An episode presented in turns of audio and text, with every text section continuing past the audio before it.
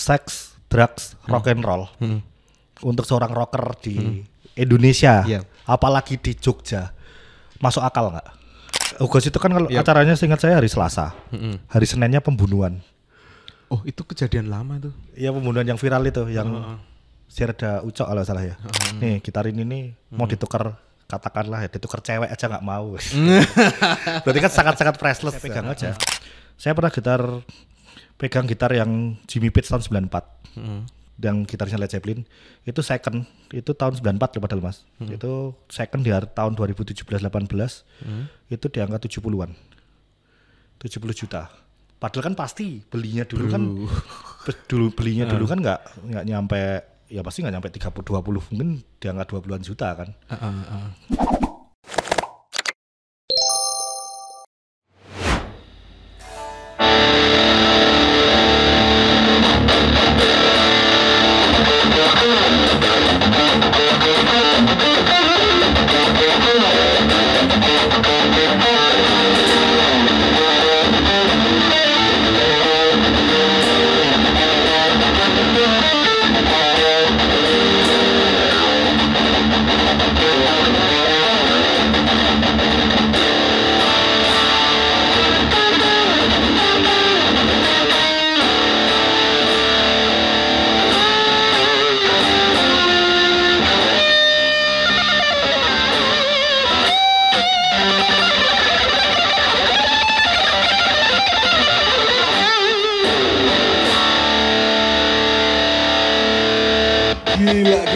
Gila. Tepuk tangan buat Sulis. Keren. Ini ini ini kayaknya aku itu nggak asing lihat apa itu sambil ditaruh sambil ditaruh santai. Oh, oh, oh. Lihat gitarnya itu kayak nggak asing nih kayak ini kalau nggak salah notice ya aku ya. Ini tuh gitarnya mirip kayak punya James Hetfield Metallica ya, bener gak? ini ini memang modelnya namanya Explorer mas ini Explore apa tuh? Explore. Explorer itu is- model dari gitar Gibson sebenarnya. Gibson Epiphone kayak gitu. Tapi ini mereknya Mason. Mason ini ini produksi Korea. Mm-mm. Jadi opa-opa ini. Tahun 88. Tahun Ini- 88. Ini gitar yang sangat-sangat bersejarah ini. Yang Cukup lama ya 88. 88 dan James Hetfield pernah pakai gitar merek Mason ini juga di live performer dia. Kan James Hetfield identik dengan bentuk seperti ini. Ah, itu signature banget itu James Hetfield banget. Explorer. Cuma James Hetfield sekarang kan pakainya ESP LTD. Saya punya juga ESP LTD. Saya punya juga yang Epiphone juga. Dan yang paling unik yang ini. James Hetfield kan pernah pakai banyak merek sebenarnya Mas, kayak Carlo Robelli. Yes. Ada juga Mason ini. Nah, saya bisa dapat salah satu yang sangat sangat langka ini. Hmm. Peredarannya nggak banyak sih Mason ini Mas. Jadi makanya ini Selangka itu. selangka itu gitar ini makanya jarang banget tak pakai manggung dan nggak boleh dipinjem Mas. Nah, itu aku tuh mau ny- nanyain itu. Biasanya itu gitaris itu punya gitar yang wah, yang nggak mau kalau dipinjem-pinjem gitu. Soalnya ini ini saya loh gitar ini tuh gitu kan. Kalau bahasanya keramat Mas. Keramat. itu pernah ada cerita lucu salah satu rockstar luar negeri Mm-mm. si Jimmy Page dia itu sampai jadi kalau pernah bawa bawa bawa gitarnya itu ada satu gitar yang sangat sangat dia sayangi jadi ya, normally kalau artis-artis ya di bagasi mas pakai fly case kan dia itu ada satu gitar yang dia bawa naik ke atas pesawat dan itu benar-benar dia dia hand carry dan di keep karena saking sayangnya dia sama si gitarnya yang itu gitu ada satu gitar yang kayak gitu Ah, Iya, iya, iya. dan itu kayaknya ada beberapa artis juga yang Indonesia yang kayak gitu juga. Jadi memang wah ini gitar yang sangat-sangat apa ya Sayang. keramat ini. Keramat ini gitu. gitu. Kayak Ini film. ini kan tahun 88. 88 mas. 88 tapi punya gitar ini dari kapan? Saya dapat ini ini unik mas. Ini di, di stud- saya dapat ini dalam kondisi rongsok. Di, stu- Rongsok. di studio teman saya di Purworejo. Dia hanya jadi ganjel itu mas, ganjel ampli. ganjel ampli studio kayak gitu. Ini? Makanya, loh ini Ganjel ampli. kok kayaknya gitar keren terus tak cek necknya masih ada nggak ada itu necknya di gudang. Ah. cek cek cek terus akhirnya tak restorasi ini dari tahun 2001 was 2001. Ih, lama juga ya. lumayan 2001 jadi saya udah punya 2001 tapi jarang banget tak pakai Oh. seringnya kayak misalkan di ada band metal saya ada pakai seven string ada yang PRS seringnya dulu kalau dulu kan identiknya saya pakai PRS mas pasti Mm-mm. kalau nggak kalau sekarang sekarang ini di, karena band saya popang yang baru berproduktif saya pakai Jaguar Jaguarnya yang ini ya. ya Jaguar yang ini kalau nggak yang gold ada Oh. dia dia biar semakin muda, Mas. Ini ini aku pernah lihat. Ini yang di KP Fair bukan? ya, benar. Ini Oh, iya iya iya iya iya. iya. Sebenarnya gitar model seperti ini kan baru populer Jaguar, Mustang itu namanya offset series, Mas. Mm, Gitar yang bentuknya tidak lazim. Mm. Karena normally gitar ya kita tahu pasti akan Ibanez yang kayak gitu. Kalau enggak Fender, Stratocaster, Telecaster, normal bentuknya normal. Ini offset itu nyerongot-nyerongot kalau orang Jawa bilang. Dia nyerongot lebih offset series. Wow, wow, wow, wow. Baru ngetren ada Jaguar, Mustang sama Jazzmaster. Gara-gara itu sekarang era-era ini loh, musik-musik senja folk gitu. Yes. Pakainya kayak gini semua. Tapi kan kalau di popak ini memang udah lama mas sebenarnya. Sebenarnya kan ngejar karakter tone-nya sih, tonalnya Unik ya. dia kan masih ada Stratocasternya. Bahkan grunge aja kan Kurt Cobain juga Yes, pakai pakai ini. kayak gini juga Ya, ini. makanya ya memang yang dibutuhin sebenarnya selain look, Tapi ya memang tonalnya ada di situ kebutuhan band. Oh ya. Ah gini, aku kan nggak terlalu jago ya ngomongin tentang gear, ngomongin tentang spesifikasi gitar dan lain-lain. Tapi aku coba mandang sebagai orang awam. Oke, gimana? Boleh tahu nggak harganya masing-masing dari gitar Oh ini nggak dijual mas. Yang kalau itu nggak? ini kalau kalau kita gitar kayak gini ini sebenarnya ya priceless mas. Karena Priceless. Ini bahkan saya punya temen akrab banget. Anak anak kulon juga kawer kalau tahu perjamuan terakhir dulu bandnya. Tahu. Black metal ya? Boleh tanya ke kawer itu. Jadi dia di- kebetulan di rumah ada banyak gitar dan si kawer itu per, dulu kalau misalkan main ke tempat saya ngajak temen atau siapa. Oh, Oh ya. Misalkan si kawer itu main ke tempat saya atau kan dia kan pasti akan dia dia udah tahu sejarah ini ceritanya jadi dia pasti akan nih gitar ini nih mau ditukar katakanlah ya ditukar cewek aja nggak mau. Berarti kan sangat-sangat priceless kan. Dan ini gitar yang memang nggak nggak mungkin akan saya jual. Oh, Bukan nggak mungkin sih, cuma ya ini pilihan terakhir sampai sekali. sekarang pun eh, iya tetap nggak bakal kepikiran masih ada gitar-gitar lain dulu. uh, uh, ini sebenarnya saya juga mau jual satu gitar untuk nanti Hammer Sonic deh. Playlist karena Hammer Sonic line up-nya Iya, ngeri iya. banget. Yang yang diinceng apa? Nah itu Target mau nonton. semuanya se- Yang hampir phase pertama ya, ya fase, fase, fase pertama ya. Iya. itu? Mm-mm. Nah itu playlist playlist daily saya ada semua ya mas. Yang yang apa? Yang Lamb of God, Lamb of God. Ya. Sliding pasti. Iya. Terus ada Crossfade, Heeh, Crossfade. ada Atreyu, ada Cradle of Filth. Yang hardcore itu apa itu? Yang sering diomongin? Converse. Ah, Converse itu. Lah itu playlist semua itu jadi wah, ini Oh. Sebenarnya lebih ke surga metalcore kalau yang besok. Mm, mm. Itu baru fase satu ya mas ya, belum yang makanya saya nungguin ini ini trivium masuk lagi nggak ini? Kalau trivium masuk lagi tambah gila lagi nih. Ah, ah, ah, ah, iya iya iya. Makanya saya udah ancang-ancang nih wah ini kemungkinan besar ini harus kan tiketnya kan terakhir yang tahun kemarin aja kan lumayan kan ya 2,3. Mm, mm, mm. Wah berarti harus paling nggak jual satu e- jual efek apa gitar dulu nih. yang penting jangan kelewat nih lemon Iya. sama sliding. Termasuk salah satu fungsi gitar itu kan buat investasi ya. Investasi betul banget mas. Heeh. Asalkan tepat. Gitar itu saya bisa menjamin gitar itu akan naik Hmm. ketika brand-brand yang aman. Sama mas sebenarnya kayak gitar itu kan sebenarnya barang koleksi. Hmm. Tapi dia juga barang elektronik. Jadi kalau salah beli ya akan anjlok. Kayak misalkan kita beli apa ya handphone, handphone Hmm. itu harganya pasti akan turun terus. Handphone sih tapi eh, handphone ada yang koleksi juga loh mas. Nah sama kayak jam tangan Rolex. Hmm. Punya jam tangan Rolex yang tahun 60-an, wah itu harganya gila pasti. Nah gitar ini setahu saya gitar gitar termahal yang pernah saya pegang aja. Saya pernah gitar pegang gitar yang Jimmy Page tahun 94 Mm. yang gitarnya Led Zeppelin.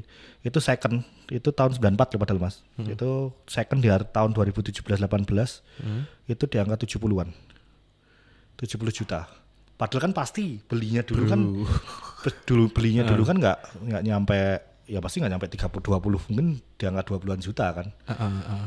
terus katakanlah saya sendiri pernah kalau gitar yang pernah saya jual yang paling mahal saya pernah punya PRS US yang tak pakai di acara Sentolo yang Sawalan Sound System Sentolo tahun Oh, dua- sawalan sound system. Ya pas, pas Ah, itu ah, nih. ah, itu gitar itu saya beli di angka 16 17.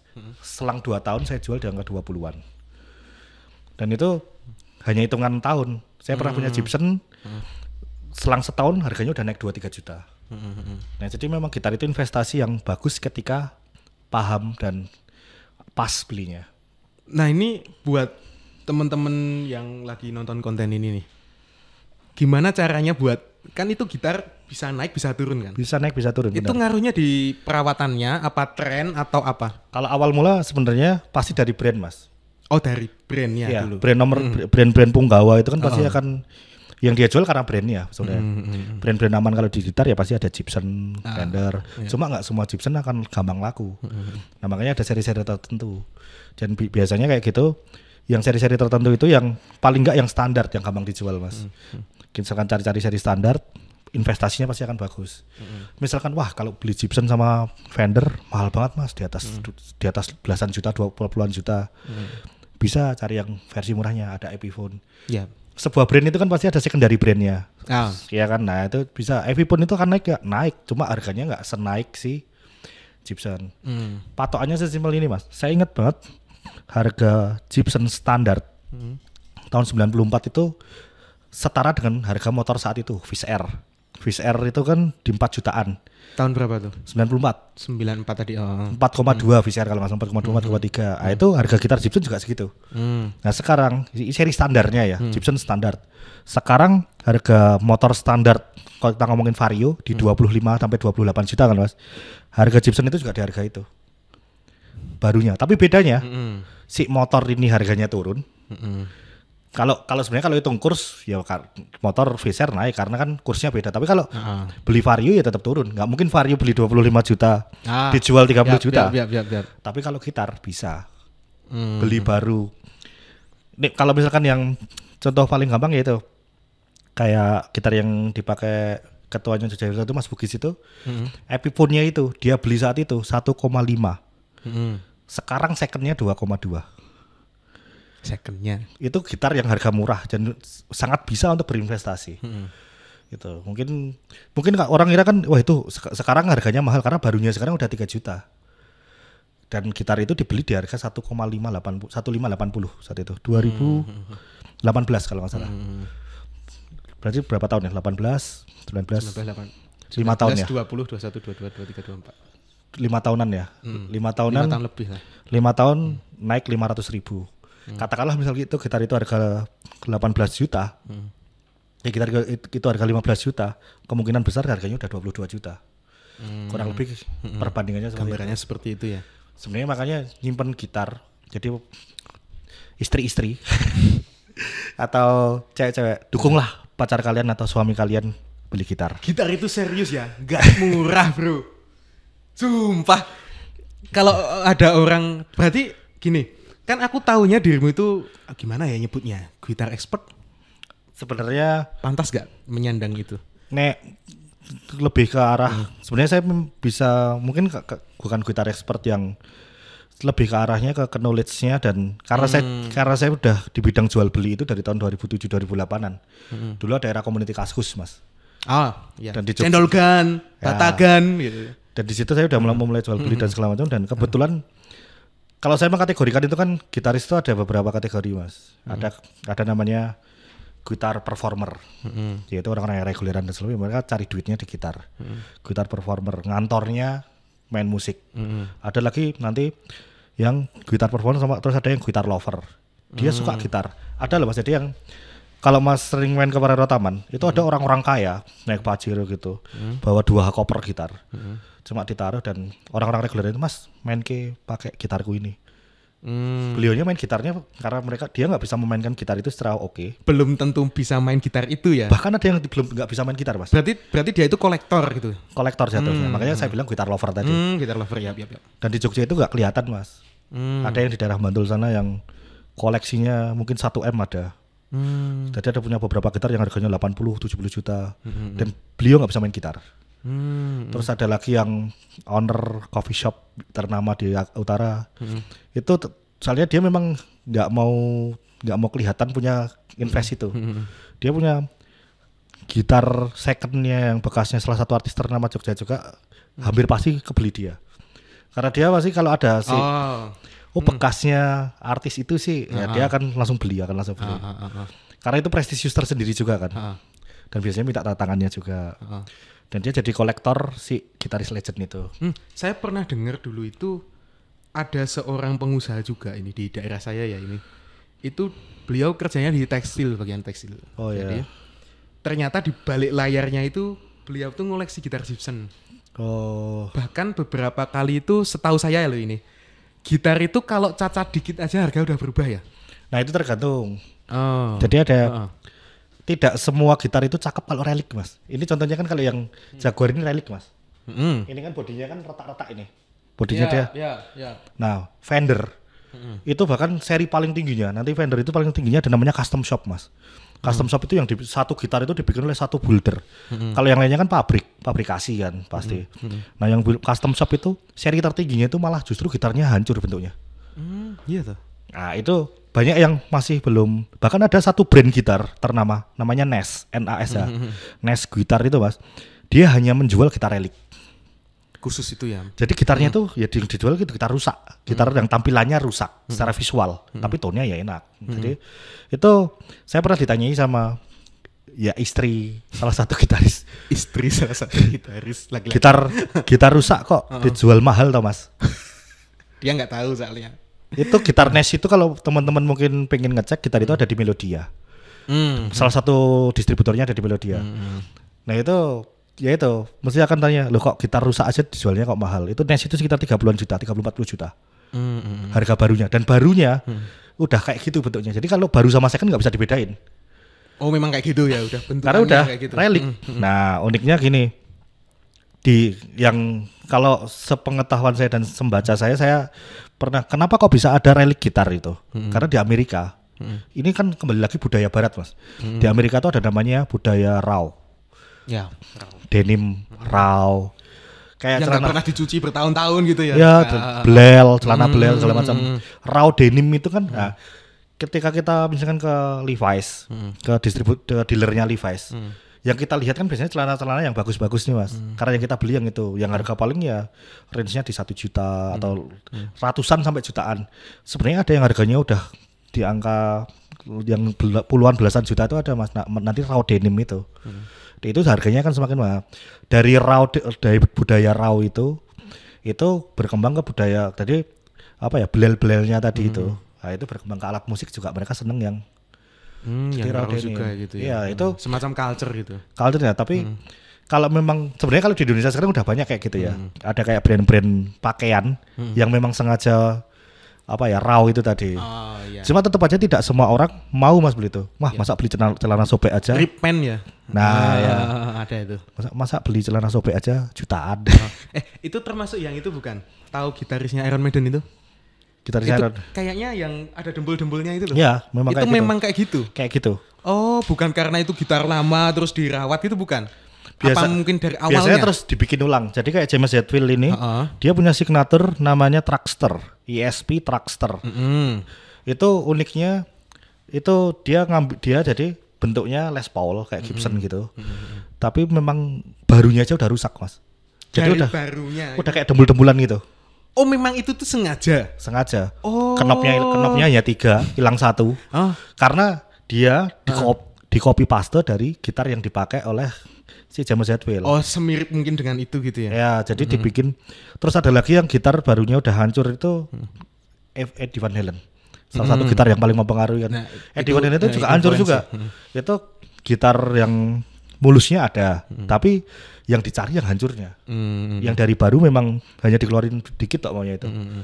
Jadi budaya raw itu ya sebenarnya budaya barat sih, Mas. Jadi Hmm, ya, ya. kayak baru semalam saya ada temen dari temen dari Philadelphia namanya dia dia di sini udah tinggal 4 tahun dia cerita kayak gini Philadelphia. ya di Amerika Ah, ah, ah. kayak saya kan sering ngobrol juga sama teman-teman anak-anak isi ada kayak Mas Iqbal Oh, sama ke sini Kala. dia.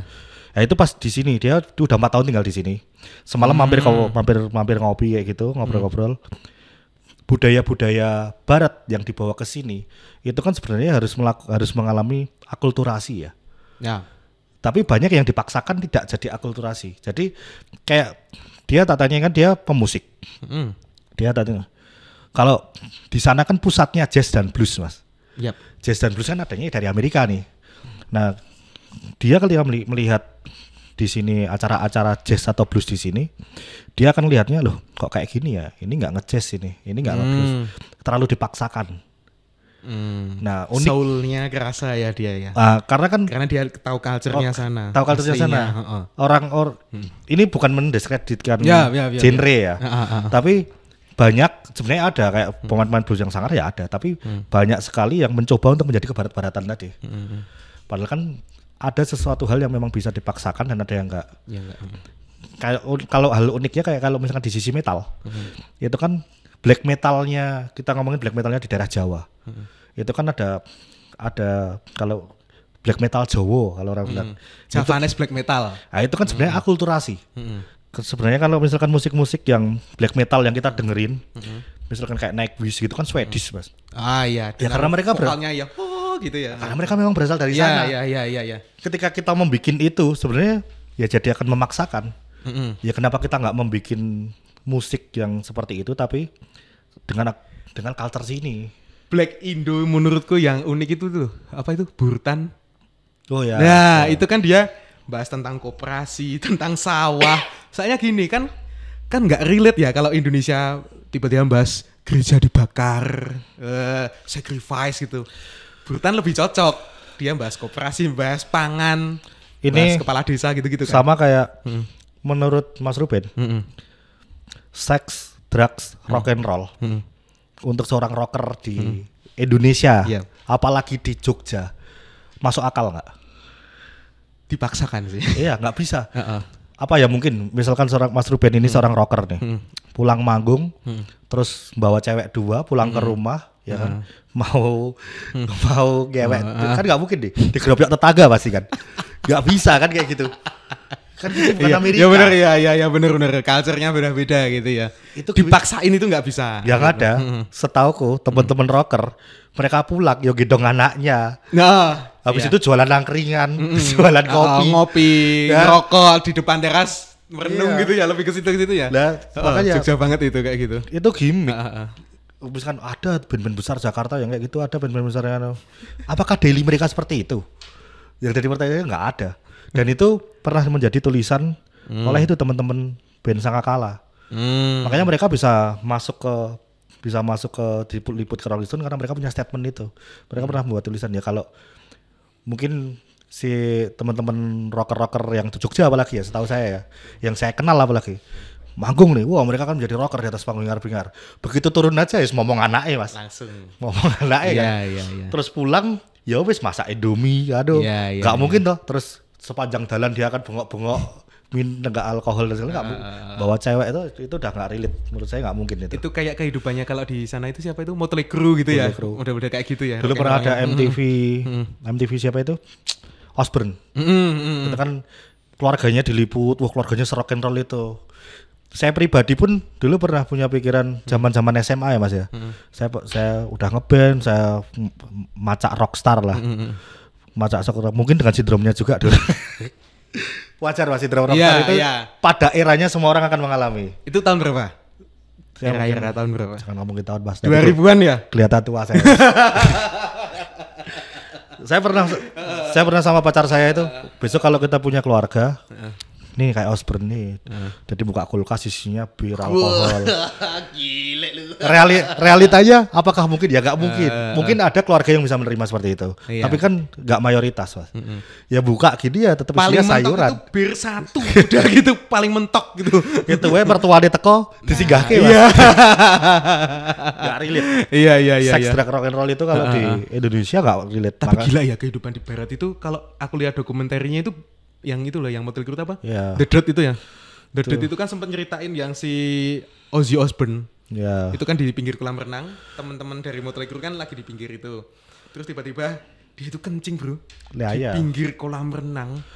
Terus kencingnya itu dijilat, Bro. Bayangin kehidupan di sana itu kayak gitu. Entah Kayak- itu terlepas asli apa enggak ya. Tapi mungkin pemaknaan seks, drug and rock and roll itu di situ ya kalau di sana. Iya, makanya kalau di sini ya tetap bahkan ada yang kalau semalam yang saya ngobrol sama temen yang dari Amerika itu, the real, the- yang uniknya di sini pemain pemain pemain orkes misalkan kayak gitu, itu bayarannya lebih tinggi daripada orang yang main gamelan di keraton. Padahal pemain-pemain gamelan di keraton itu itu real pro player mereka, Iya, iya.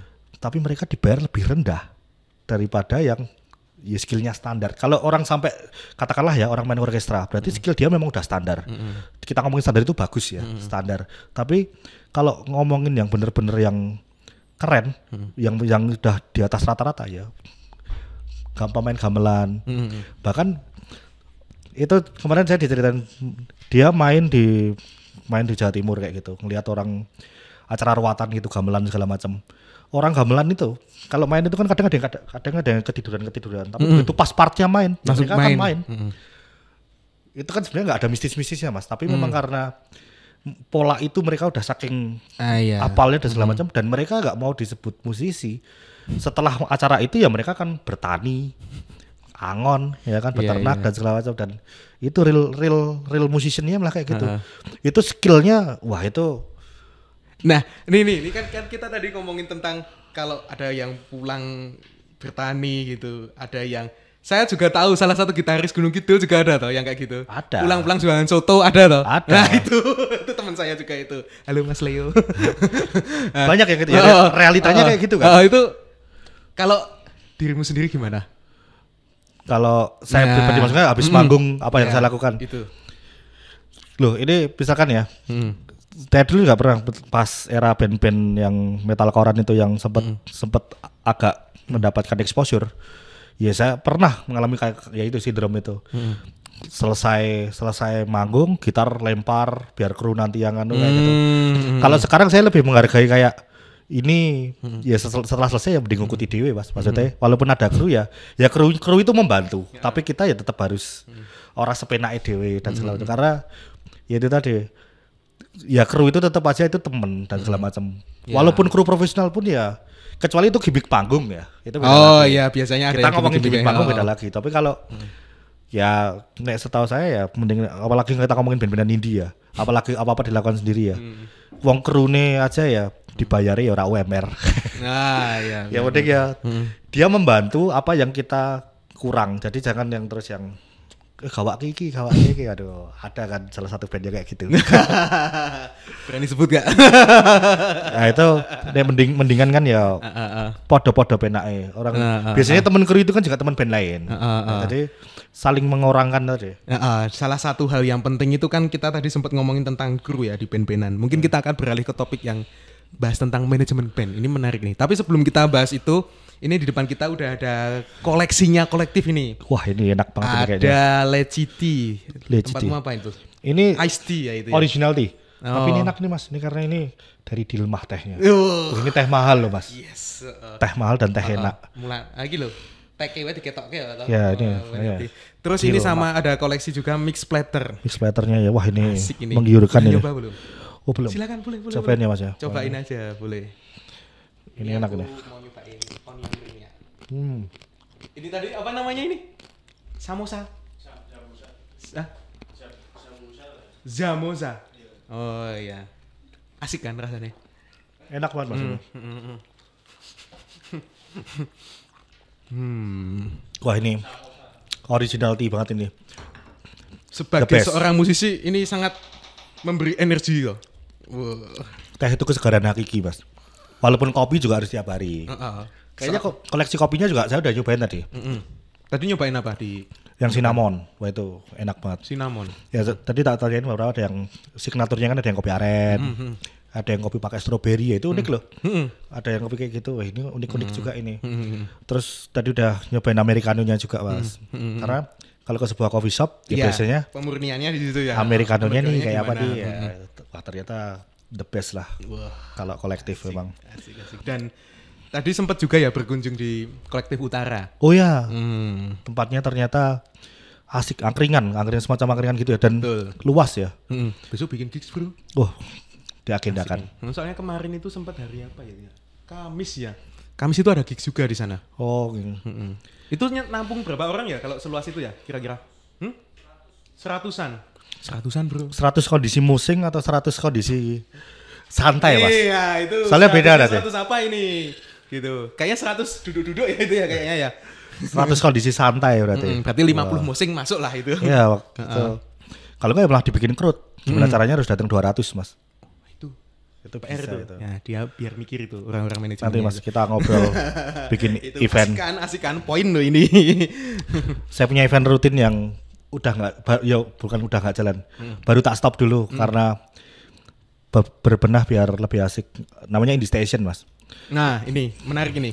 Kita lanjutin obrolan tadi ya. ya Termasuk kaitannya kalau band kan di event juga. event dan Pasti. pasti ada yang namanya komunitas juga. Tadi Komunitas kan kita sempat pasti. ngomongin 100 orang, 200 orang.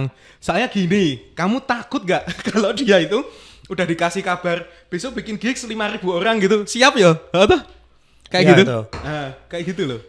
The power of com- community itu kayak gitu. Sebenarnya cara nge-build community itu seperti apa tuh? Sebenarnya kalau Apakah semudah itu kumpulin-kumpulin orang di WA WA WA atau ada treatment-treatment khusus yang harusnya kamu itu gini loh biar orang itu ngumpul lah itu. kalau ngomongin cara sebenarnya kan Hmm. nggak ada cara pakem. Itu sama kayak misalkan ngomongin misalnya kita tanya ke seorang musisi yang pe- pencipta lagu hits nih. Kita tanya walaupun dia udah bikin banyak lagu hits kita tanya kalau kita ngomongin cara nih mas ya. Mas caranya bikin lagu hits gimana sih? Mesti dia kan jawabnya wah dia ya nggak ada pakemnya. Yang bisa dilakukan sebenarnya kan hanya mengantisipasi sesuatu yang ini kemu- kemungkinan kemungkinan kemungkinannya nanti oh kalau misalkan bikin lagu ya yang bisa jadi hit berarti harus ad- dia hanya mengcopy paste. Ada unsur itu, ada Itu ada unsur unsur itu, ya. ada elemen Jadi, itu. Mm. dia hanya bisa mengantisipasi elemen-elemen itu saja. Sama kayak komunitas. Komunitas atau event dulu nih karena memang berbeda di konsepnya. Em, kita coba nge gini, salah satu power penting dari event kan komunitasnya ya. ada yang bisa bersifat community Heeh. ah kalau Ah, sifatnya itu itu ah, itu itu. Kalau Pembagiannya gimana? komunitas dan community menurut saya berbeda mas Apa bedanya di situ? kalau jadi kayak gini kalau kayak kemarin terakhir paling terakhir saya saya mem- nge-build sebuah event rutin itu sebenarnya saya nge-build event rutin dah dari 2000 wah pa- 2004 2005 mungkin 2004. itu saya udah nge-build event-event era itu era UKM Mm-mm. era UKM dan forum forum UMKM eh bukan UMKM forum UKMM Hmm. itu kan kalau UKM itu itu ya yang mahasiswa gitu, kampus mahasiswa, ya. ya. Dulu kan adanya hanya UKM, bukan adanya sih. Kalau komunitas itu hampir hampir Pergerakannya dari situ. pergerakannya kan kalau komunitas itu identik dengan underground, ah, bawah ya. tanah. Ah, ah, ah. Kalau yang yang surface yang di permukaan itu biasanya akan UKM atau kalau enggak dulu ada studio, komunitas studio, Mas. Hmm. Jadi dulu misalnya era itu gue cah studio di. Yes, ada pertanyaan seperti itu ya. Biasanya kan kayak gitu. Ka- Makanya kalau Progo aja, wah cah pingsut ki. Nah, gitu. Nah, Ah. Kalau di Jogja dulu kan, wih, Cah Charlie. gitu. Hmm. Terus itu bergeser di setelah gempa, mas. Jadi komunitas di kafe, karena ada kafe. Belum Oh. coffee shop. Kafe ya. Kafe lagi merebak. Kafetaria dulu Ya, ya. kafe Oh, lagi oh. merebak. Hmm. Kafe merebak itu dulu kayak salah satu contoh yang saya juga naungi itu ada namanya IMMC. Itu dulu namanya CMC. Charlie Music Community. Oh, dari itu nama itu. Umlah. Charlie itu studio kan? Ya, Oh iya, Malah paham, baru tahu. Malah baru tahu saya. IMMC CMC itu, kan nama oh. nama nama gede juga kan untuk Ah, ya, ya, ya, ya, ya. Dulu Charlie Music Community Mm. itu terus dulu bikin event rutin di Old Friend dengan udara-udara ke kafe-kafe belakang Ampar Amar Rumah Plaza itu terus berubah nama menjadi IMMC karena sudah tidak melibatkan si studio lagi. Udah bergeser eranya base campnya menjadi kafe. Terus akhirnya IMMC itu kan base campnya di Tomora Cafe yang sekarang jadi Bakudapa. Sekarang jadi Bakudapa itu IMMC akhirnya stay di situ kan. Terus era itu saya juga ada komunitas namanya Music Evolution, ada itu ya. Base campnya di kafe-kafe. Setelah era itu bergeser lagi. Akhirnya terus jadi per genre. Ya sebenarnya kalau per genre ini sudah dari dulu ya. Rock Nah. Hmm. metal ada CCG, Jogja Coprinder. Hardcore ada banyak banget ya, ada Tugu Serentak lah, ada ini ada ini.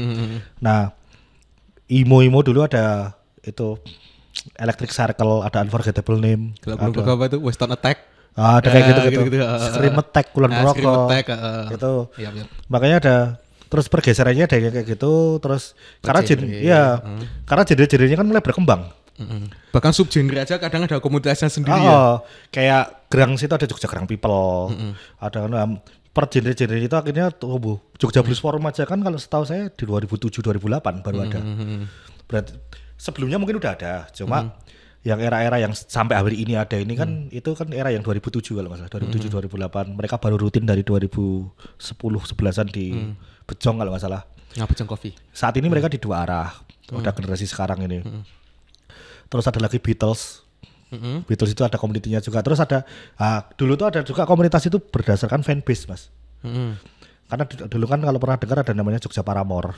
Ah, ada namanya Jogja Green Day Jogja S7 Blink X Indo, Ya. Jogja. gitu dulu kan. ada kayak gitu-gitu.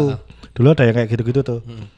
Tapi ya karena du, karena mungkin fanbase itu ketika bandnya udah nggak begitu populer dan orang-orangnya ya itu udah mungkin berkeluarga dan segala macam komunitasnya nggak jalan.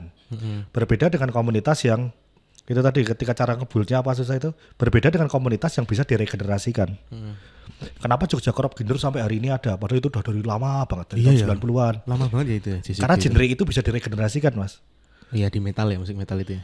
kalau Jogja Africore ini aja udah generasi keempat. Udah diregenerasikan bisa diregenerasikan. Itu makanya bisa berjalan terus mas. Kayak Nah itu di JEC itu. Jogja JEC itu dari tahun berapa itu? itu awal mulanya itu lucu mas ceritanya awal mulanya itu 2012 kita mau bikin event pertamanya itu di Hugos Hugos ya. dulu kan masih era ngeband di klub malam Iya, iya, iya, iya. itu Ah, nightclub. sebuah gengsi lah karena wih ini soundnya Siapa bagus sih yang nggak tahu stikernya Hugos di tiap Hugos. mobil itu kan ada kan? Hugos, Hugos, Hugos gitu. acaranya Hugos itu kan kalau Yap. acaranya seingat saya hari Selasa hari Seninnya pembunuhan Oh itu kejadian lama tuh. Iya pembunuhan yang viral itu yang Serda Ucok kalau salah ya. Lalu Itu tahun berapa ya itu ya? 2012 Oh iya sekitar segitu sih. Oh. itu pertama kali event JC itu 12. Oh 12. Oh. harusnya itu. Itu kalau bulan apanya saya lupa cuma harusnya 2012 dan Oh, oh. pokoknya Di tahun yang sama itu. hari satu hari se- sebelum jadi Sebelum acara JEC harusnya acara JEC pertama itu Selasa Selasanya. hari Seninnya pembunuhan Seminggunya itu. Nggak seminggu Oh, Seninnya sebelumnya. satu hari sebelum Berarti pembunuhan setelah itu. Jadi kan Selasanya zaman dulu itu. kan Mm-mm. kalau misalkan kita acara klub itu ada invitation Ah, ah, itu ah. yang buat invitation card gitu lah. ya buat masuk Buat kodenya masuk itu Ah, pakai ini. Itu udah kita sebar Mas 500 invitation udah kita sebar ke komunitas-komunitas yang lain-lainnya dan teman-teman intinya untuk datang. Tapi ya itu, Hugos kan ditutup semenjak itu. Dan nggak pernah buka lagi kan. Mm-mm. Nah, makanya terus itu saat itu membuat cukup shock ada ada Jogja Africore yang era itu dengan lima band itu. Era itu tuh maksudnya itu era pertama. Iya, generasi pertama. Acara Dan pertama? Acara pertama. Acara pertama setelah kejadian itu. Dan gara-gara uh, acara pembunuhan itu ke- batal, acaranya baru bisa bisa acara pertamanya lagi baru bisa sel- selang satu tahun. Karena ini fakta faktanya itu boleh ditanyain ke teman dulu Jogja Africore itu niatnya nggak bukan komunitas. Awalnya bukan komunitas. Terus Awalnya- apa awalnya dulu? Awalnya sifatnya mengkomuniti tadi, kolektif.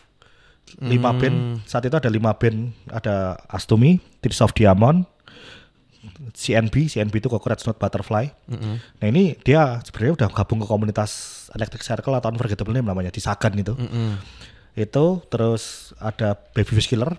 Nah ini Raja UKM ini dulu era itu Babyface Killer. Terus satu lagi itu Oriver. Oriver aja sampai ganti nama. Tadinya Trisula. Trisula denger saya. Jadi dari Oh Trisula. itu itu dari Trisula. Karena saking satu tahun nggak manggung, Mm-mm. satu tahun saya nama itu. Trisulanya udah bubar. Dan- jadi Trisulanya ada ganti personil dan ganti nama jadi Oriver. Terus akhirnya event pertamanya di Liquid. Setelah setahun setelah 2012 itu. Satu tahun pas.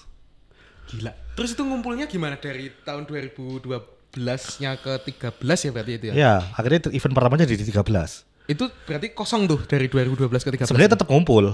Si lima band itu tetap ngumpul untuk saling support tadi. Makanya saya bilang kolektif. Sifatnya mengkomuniti. Tapi bukan komunitas. Oh gini, ini ini coba di kita samakan persepsi dulu ya. Berarti komunitas dengan community itu bedanya mungkin lebih ke eh, tidak terstruktur ya kalau community ya, lebih ke saling support doang gitu, bukan terus ada Nek, ketua, ada komuni- wakil gitu. Nek, yang ibaratnya kan kayak seorang pemusik. Pemain musik itu kan punya karakter musik. Tapi dia belum tentu memainkan mu- karakter musik itu. Kayak misalkan saya pribadi karakter musik saya sebenarnya metal, Mas. Mm. Sekarang saya mainin popang. Mm. Kan nggak masalah kan. Mm. Si- siapa? Marcel. Mm. Marcel yang Voodoo ya? Bukan, Marcel itu siapa? Dulu pupet, Mas. Oh sorry, Eh, Pupet. pupen, pupen. Pupen, pupen, Pupen. pupen, pupen. Ya, ya, makanya dia kan metal, drummer metal. Iya, iya, iya. Begitu nyanyi lagu pop balad. Mm-mm. Ya, sebenarnya kan karakteristik musik Wingky Wiryawan Yap. metal, Mas. Metal. Dia gitarnya jago banget tuh Ya, Pinky itu. Itu gitar pertama dia Heeh. yang Washburn Washburn N61 kalau nggak Yang salah. dari main sama Dead Squad itu ya? Ya, Heeh, heeh. Washburn N61-nya itu kebetulan beli pas itu sama saya sharingnya. Oh iya tuh. Ya di toko musik yang ada di pojokan kota itu. Yang terkenalnya di situ ya. Ya, dulu waktu itu Heeh. kebetulan dulu kok si barangnya belum banyak dan kebetulan Mas Wingky main ngo- ngobrol-ngobrol gini-gini gini kebutuhan dia tercover semua di gitar itu. Hmm. Washburn itu. Karak Washburn Nuno kan itu. Seri seri artis serisnya Nuno eh, gitarisnya ekstrim tapi itu yang versi metalnya karena humbucker humbucker. Ah ya, hamburger sih. Jadi dia si Mas Wingky itu dan itu gitarnya sering banget ada di muncul di Instagram reelsnya untuk dia main Hmm. musik metal. Walaupun dia sekarang udah punya banyak gitar yang keren. Iya. tapi gitar pertamanya dia setelah lama nggak gitar kayaknya itu. Kalau dari saat itu cerita aku pengen mainan gitar lagi nih. Hmm. dan ternyata mainnya jago banget. Pol, jago banget. Itu Heeh. kalau nggak salah 2017 atau 16 yaitu pas beliau main terus sa- saya langsung tanya loh mainmu sejago ini mas ini Ki?"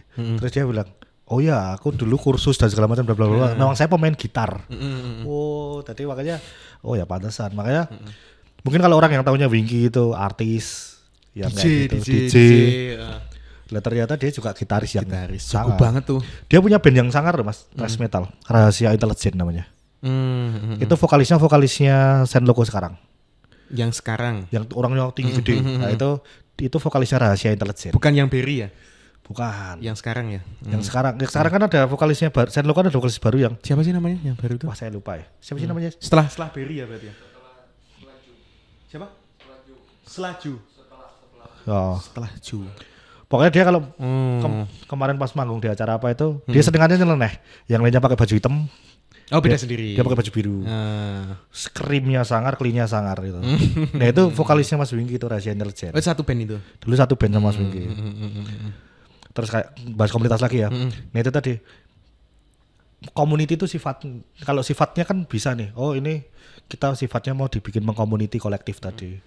Tapi kalau komunitas sendiri, komunitas itu kan berarti sudah terwadah, Oh sudah disengaja ya. Ada disengaja wadahnya. terwadah, terwadah. Jadi udah terwadah, terstruktur dan pasti di situ ada hierarki dong.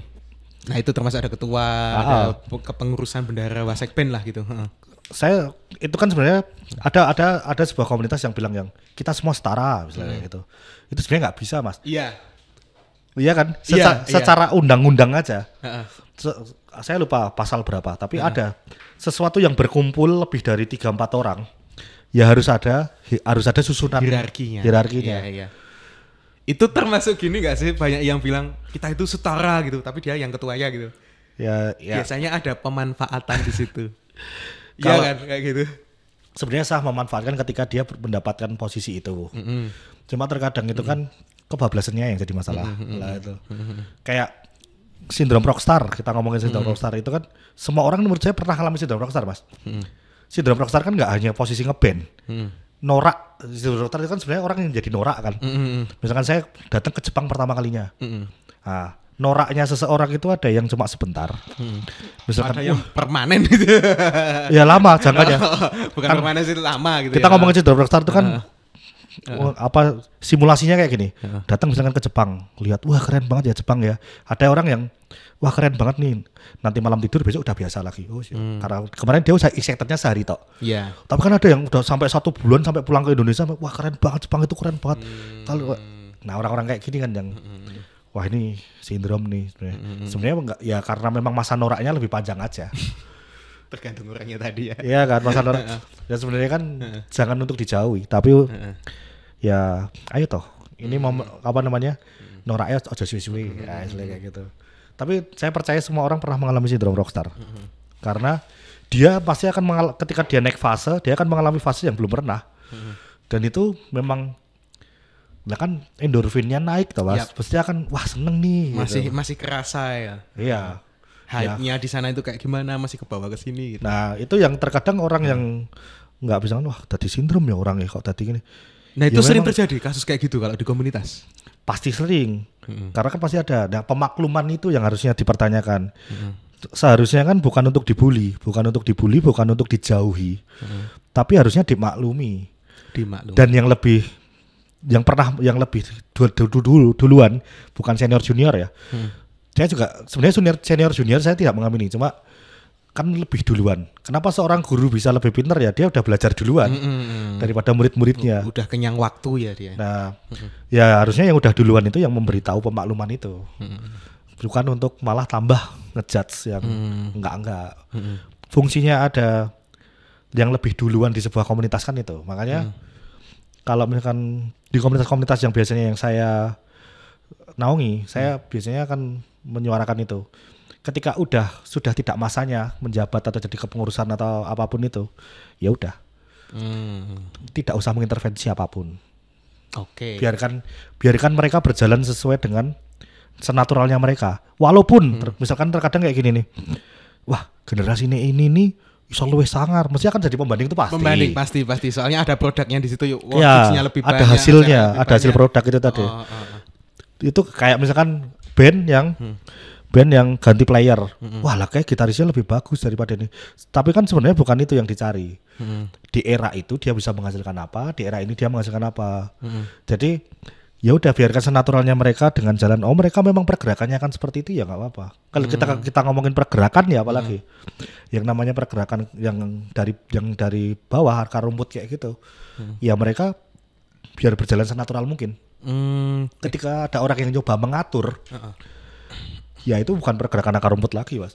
Oh, ini menarik ini tentang manajemen komunitas. Soalnya ya aku kan juga beberapa kali ya bikin-bikin acara-acara kecil gitu kan Ya. harus nge-build dulu orang-orangnya dikumpulin yang satu visi gimana orang-orangnya.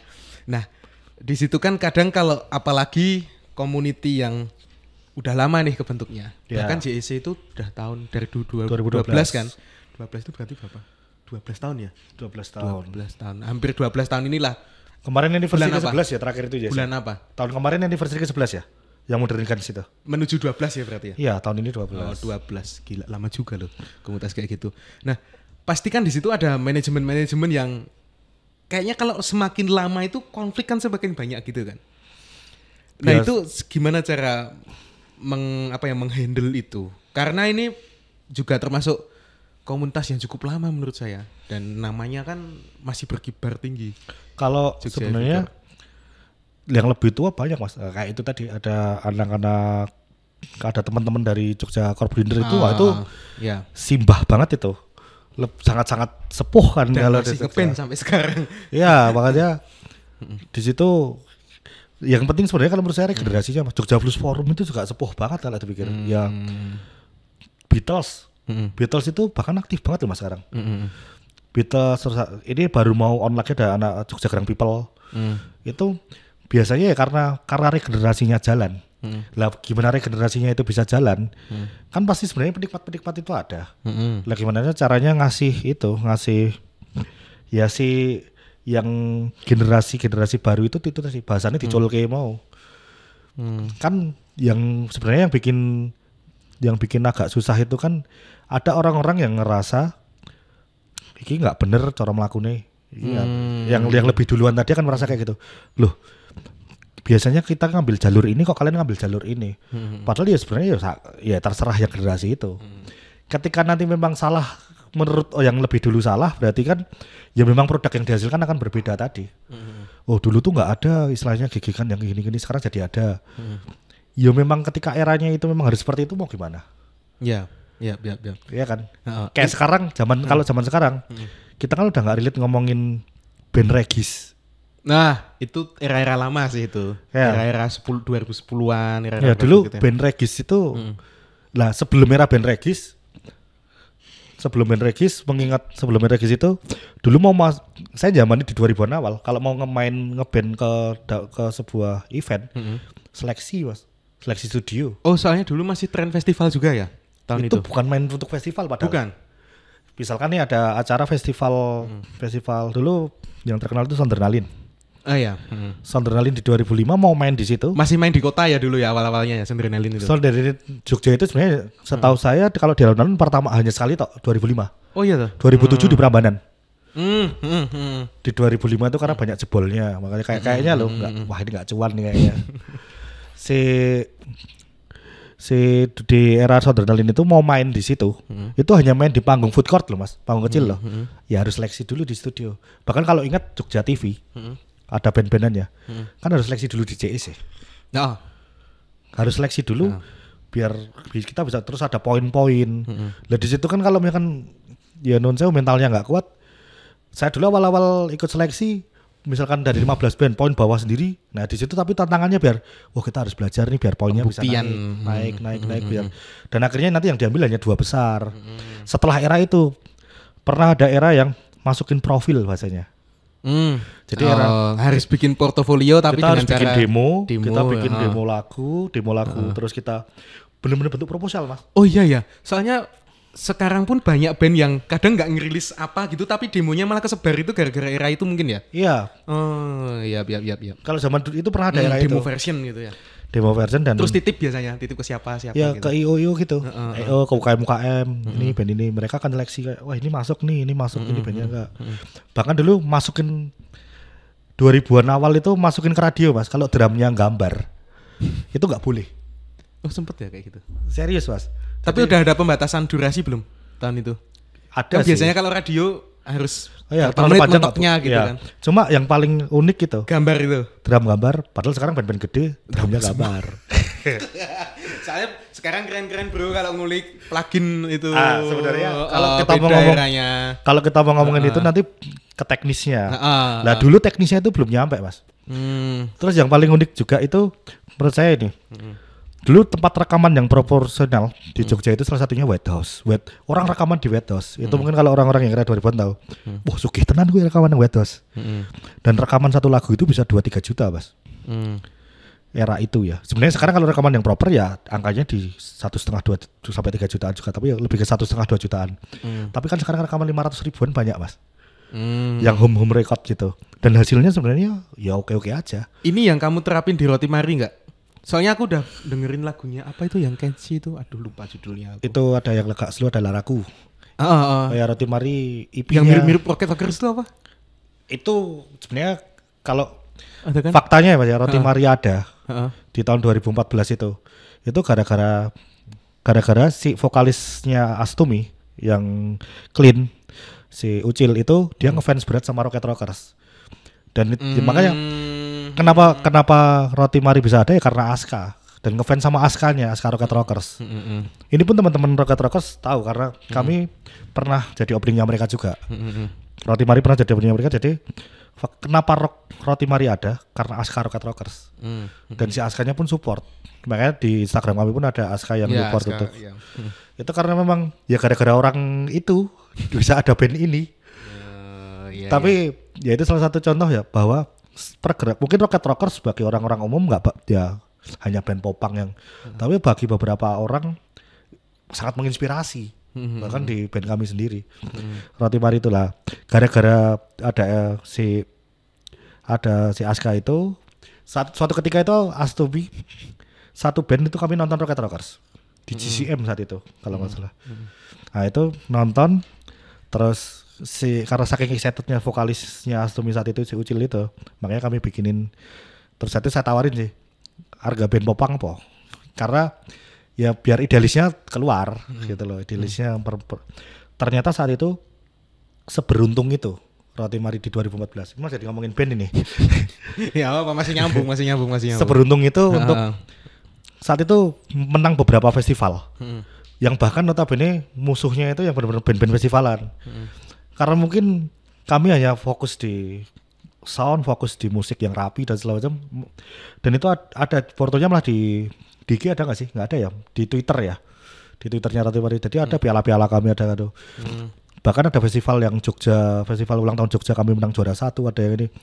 Uniknya itu beruntung. Kalau saya bisa bilang beruntung karena pas momennya pas dengan semangat spiritnya pas jadi bisa sebenarnya selo, karena karena selos itu kan. Nggak diniati untuk ikut festival ikut menang. Hmm. kebetulan terus pernah ditawa pernah dapat tawaran untuk jadi openingnya Rocket Rocker sendiri. Dua tiga kali kalau nggak salah. War Tour yang sama Killing Mindset itu kami opening di Solo di Jogja yang di Bosio ulang tahun Starcross ulang tahun Starcross di Bosio Rocket Rockers kami opening. Nah kebetu- ya itu kalau mau dibilang prestasi ya prestasi mau dibilang kebetulan ya kebetulan karena misalkan ditanyain kok lah kok bisa saya juga nggak tahu Hmm. Nah terus pada akhirnya band itu setelah 10 tahun karena niatnya band seneng-seneng ini tahun ini di tahun ke-10 ini kami akan rilis EP. Oke, ini sebelum lanjut ya. Ada satu hal yang menarik menurutku. Kan tadi kita udah ngomongin tentang apa itu komunitas Jogja Evercore yang sampai sekarang masih bertahan. Terus ada juga Astumi. Entah kenapa ya ini. Ini pikiranku bawah sadarku ya. Aku lihat seorang Sulistio nih ketika manggung gitu ya. Bahkan di Cafe Fair kemarin aku pas Ya. lagi nge-host gitu, eh, lagi nge-MC gitu.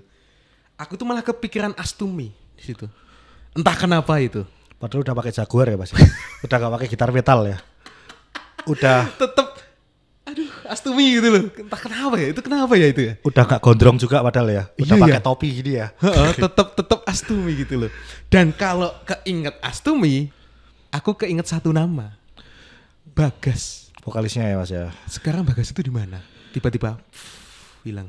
Kalau ditanya vokalis vokalis kami Astumi yang Bagas itu ke mana, saya juga nggak tahu sebenarnya mas.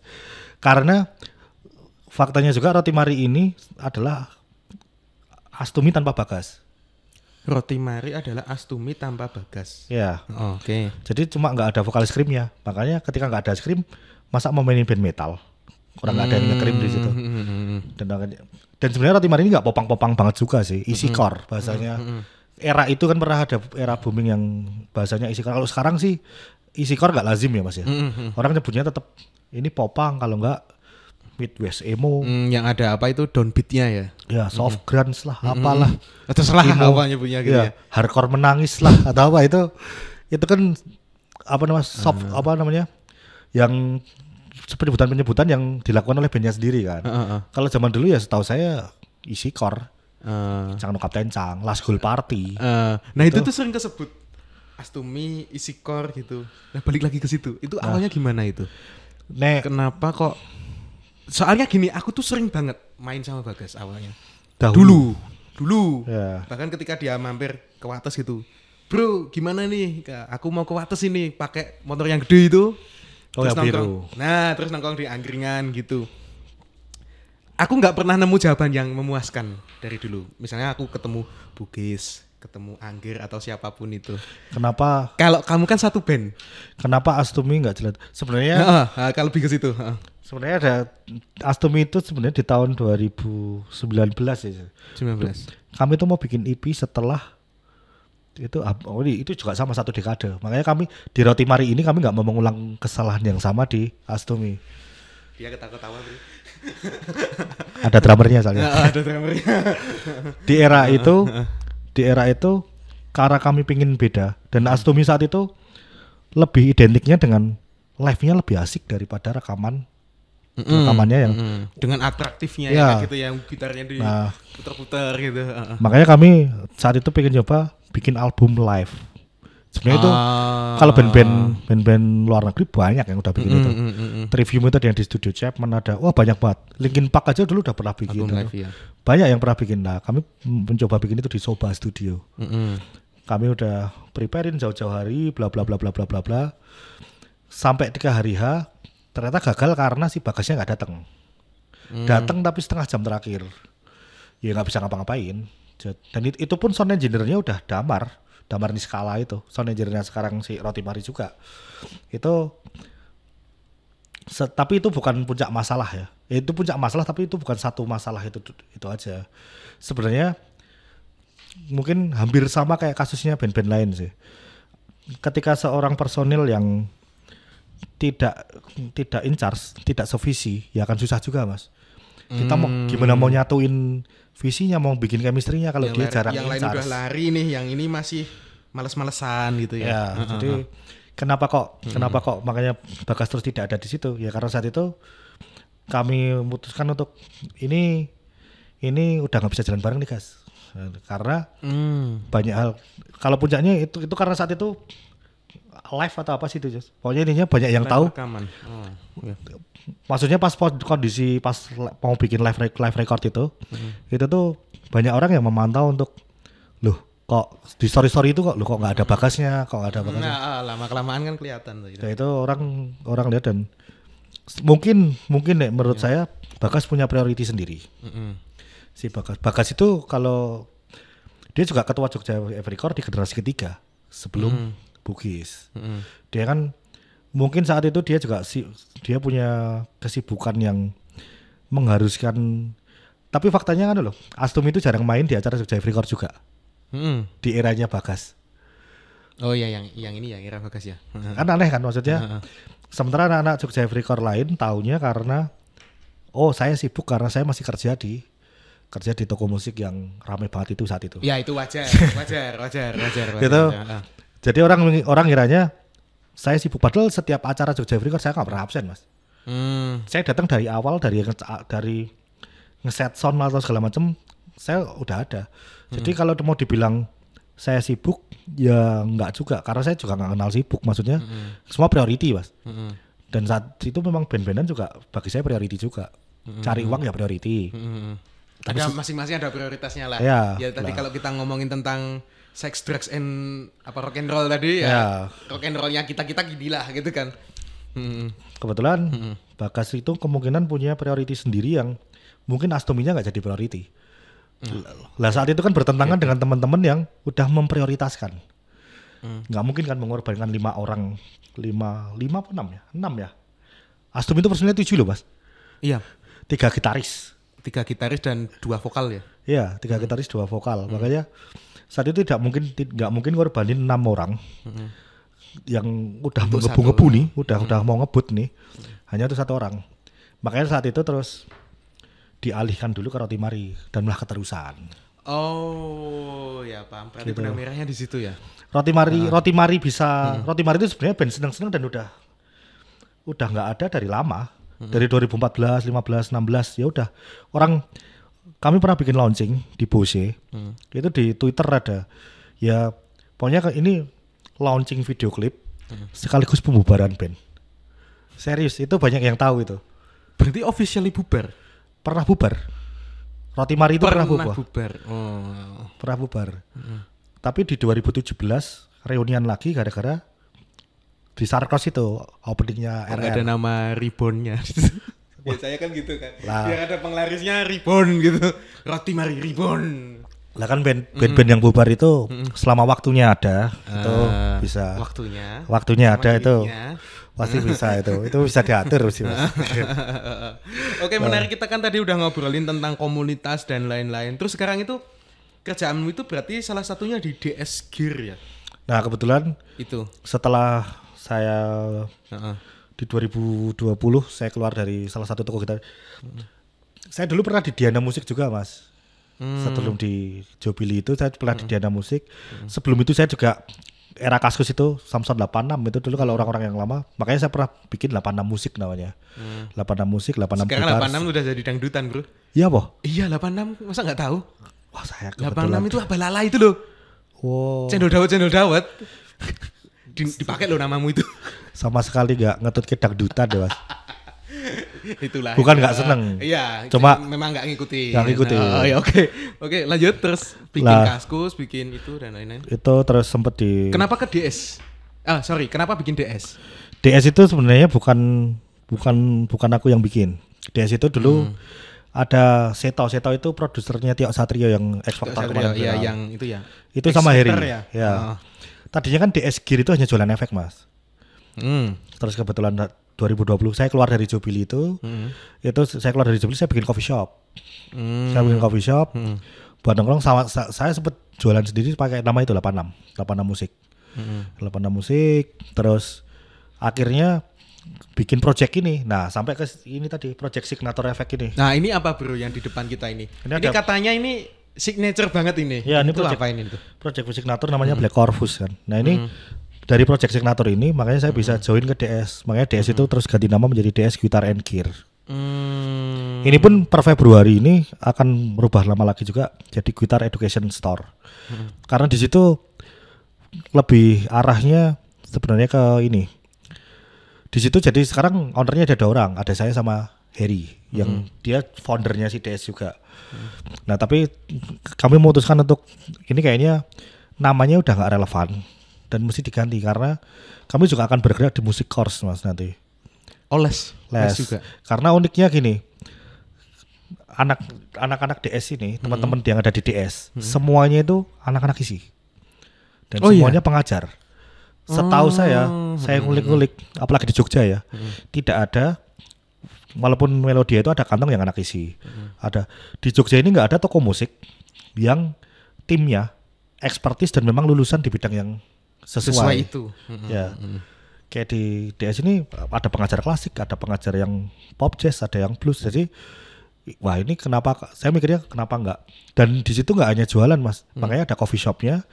Saya lebih arahnya ke orang bisa di situ bisa nyantai sharing. Makanya tagline-nya itu ada buy sell trade consult ada konsultnya ini setahu saya jarang-jarang ada ada toko musik yang memang fokus untuk sharing dan consult itu Oh, ada nilai edukasinya di situ ya. nah ada nilai jualan itu nggak cuma jualan. gitu. jualan DS itu aja kan tadinya kan namanya udah berubah jadi dodolan serawung Oh, yang dijual itu serawung ya. DS gitu ya dari kata. yang dijual serawungnya sa- itu bisa dodolan serawung atau dodol dan serawung. Mm, Atau enggak dead squad gitu ya. Waduh. Nah, Oke. tapi karena karena ini udah mau jalan juga untuk musik course-nya, Hmm. kau mikirnya juga wah ini kayaknya Itu mulai jalan kapan? insya Allah Februari Oh, berarti ini tayang kemungkinan udah jalan ya ini. udah ya? jalan. Cuma kan tetap babat alas mas bahasanya. Harus ya kan nggak nggak mungkin buka terus tiba-tiba ada muridnya kan. Itu musik course apa? Lebih ke arah apa?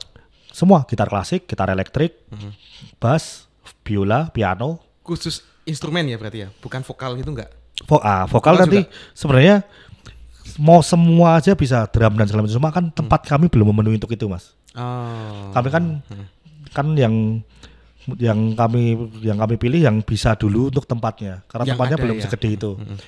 Vokal sih mungkin bisa, tapi kan vokalnya harus bengok-bengok, Mas. Nanti wedine tanggane dak malah. Kan kalau yang lainnya kan bisa disetting kecil. Drum itu aja kami mikir vokal di setting kecil tuh gimana? kan nggak bisa. Coba dimaksimalkan vokalmu, tapi dengan master volume yang dikecilkan. Nah, drum itu juga nggak bisa karena wah ini terlalu berisik ini nanti. Kalau soal Kayak pengajar drum elektrik.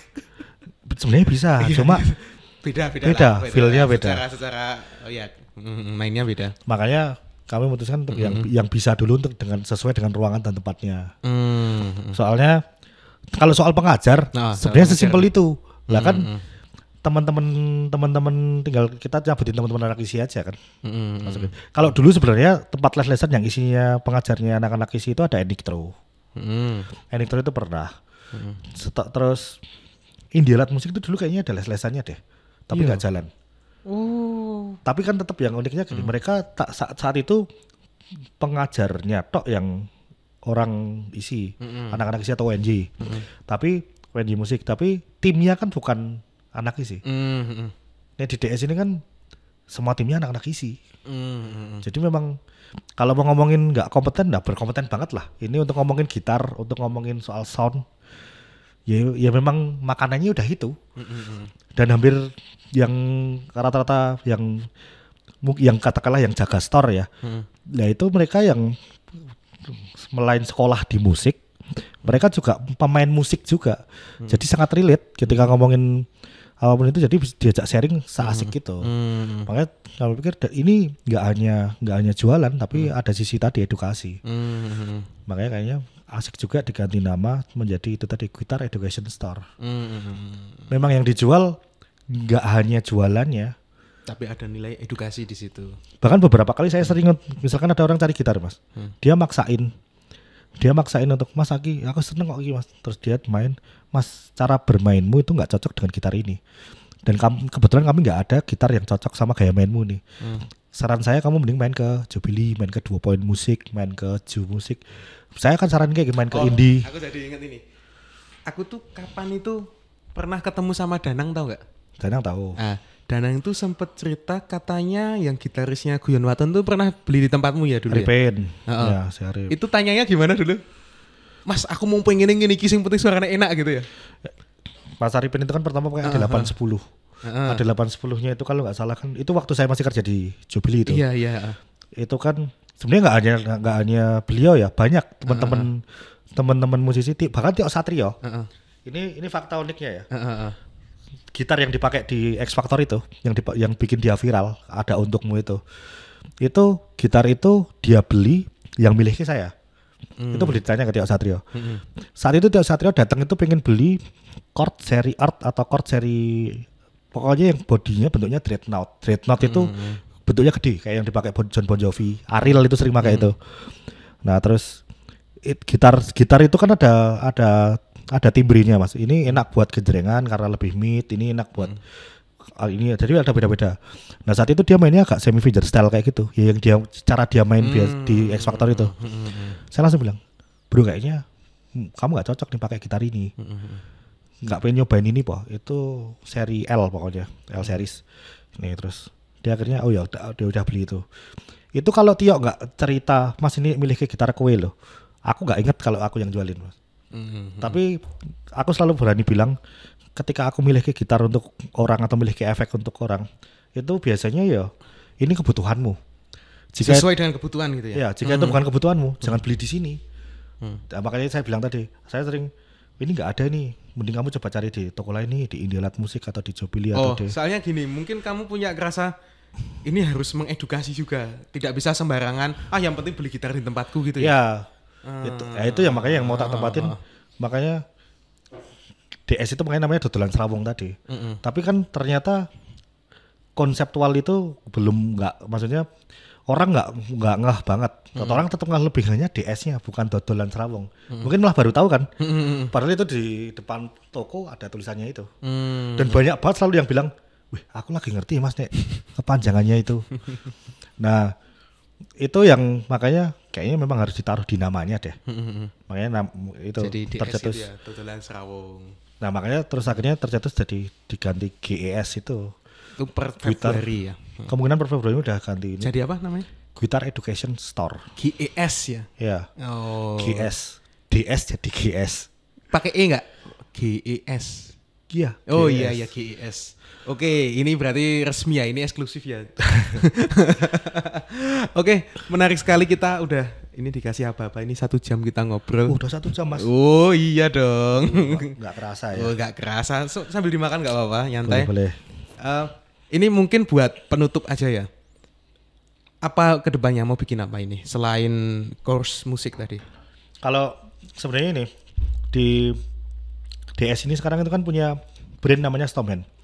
Jadi goalsnya goalsnya ketika seseorang berjualan itu kan pasti harusnya bikin brand. Kayak tadinya orang jualan t-shirt second atau jualan, mesti semua orang itu pengen bikin brand sendiri.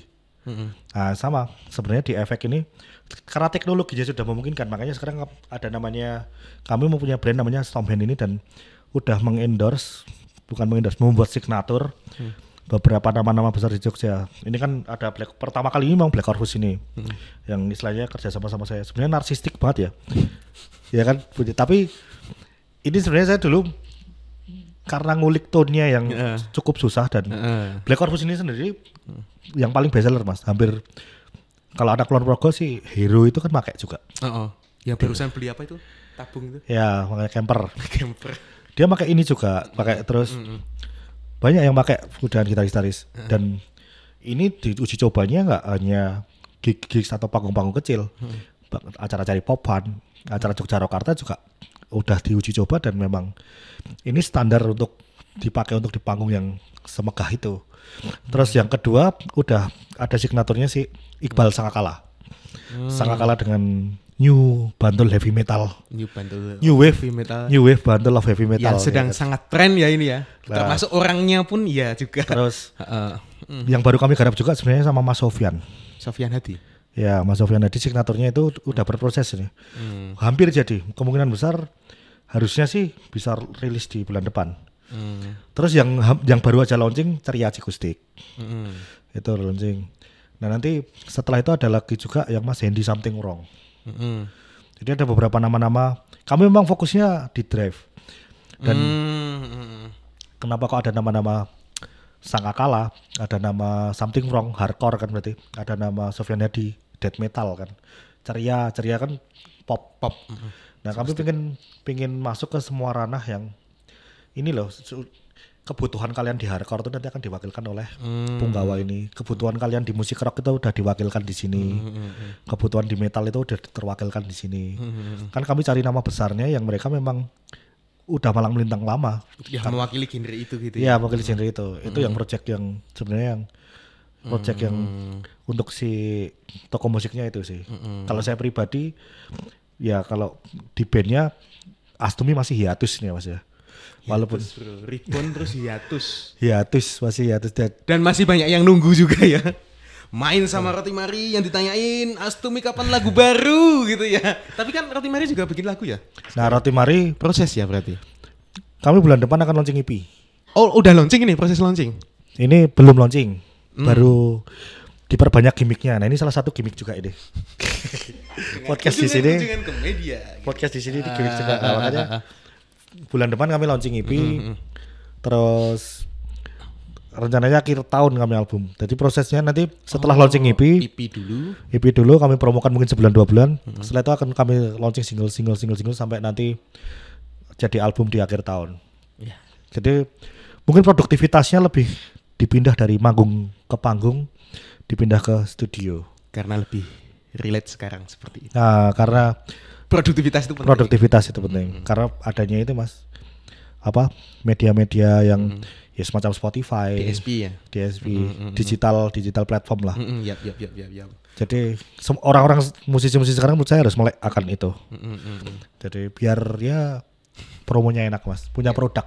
Ya, ya, ya, ya. Terima kasih kepada Sulis yang sudah datang ke sini. Keren sekali, Bro. Kapan-kapan aku tak mampir itu ke GES ya gitu ya. GS, kopi konokai. Nah, kopi Konokai. Kopi ini di konokai. Konokai. ya. Nah, itu. Termasuk itu aku mau les vokal sepertinya. Cocok ya ya sama biola. Biola Cocok gak sih? bisa. Cocok gak sih? Bisa Mas biola. Tapi badan saya seperti biola gitu. ya. Waduh. Pak sih. Terima kasih ya udah mampir di Siap, Mas. Makasih, rumah Mas Ruben. X Collective Space. Untuk teman-teman yang mungkin mau kepoin bisa cek di mana?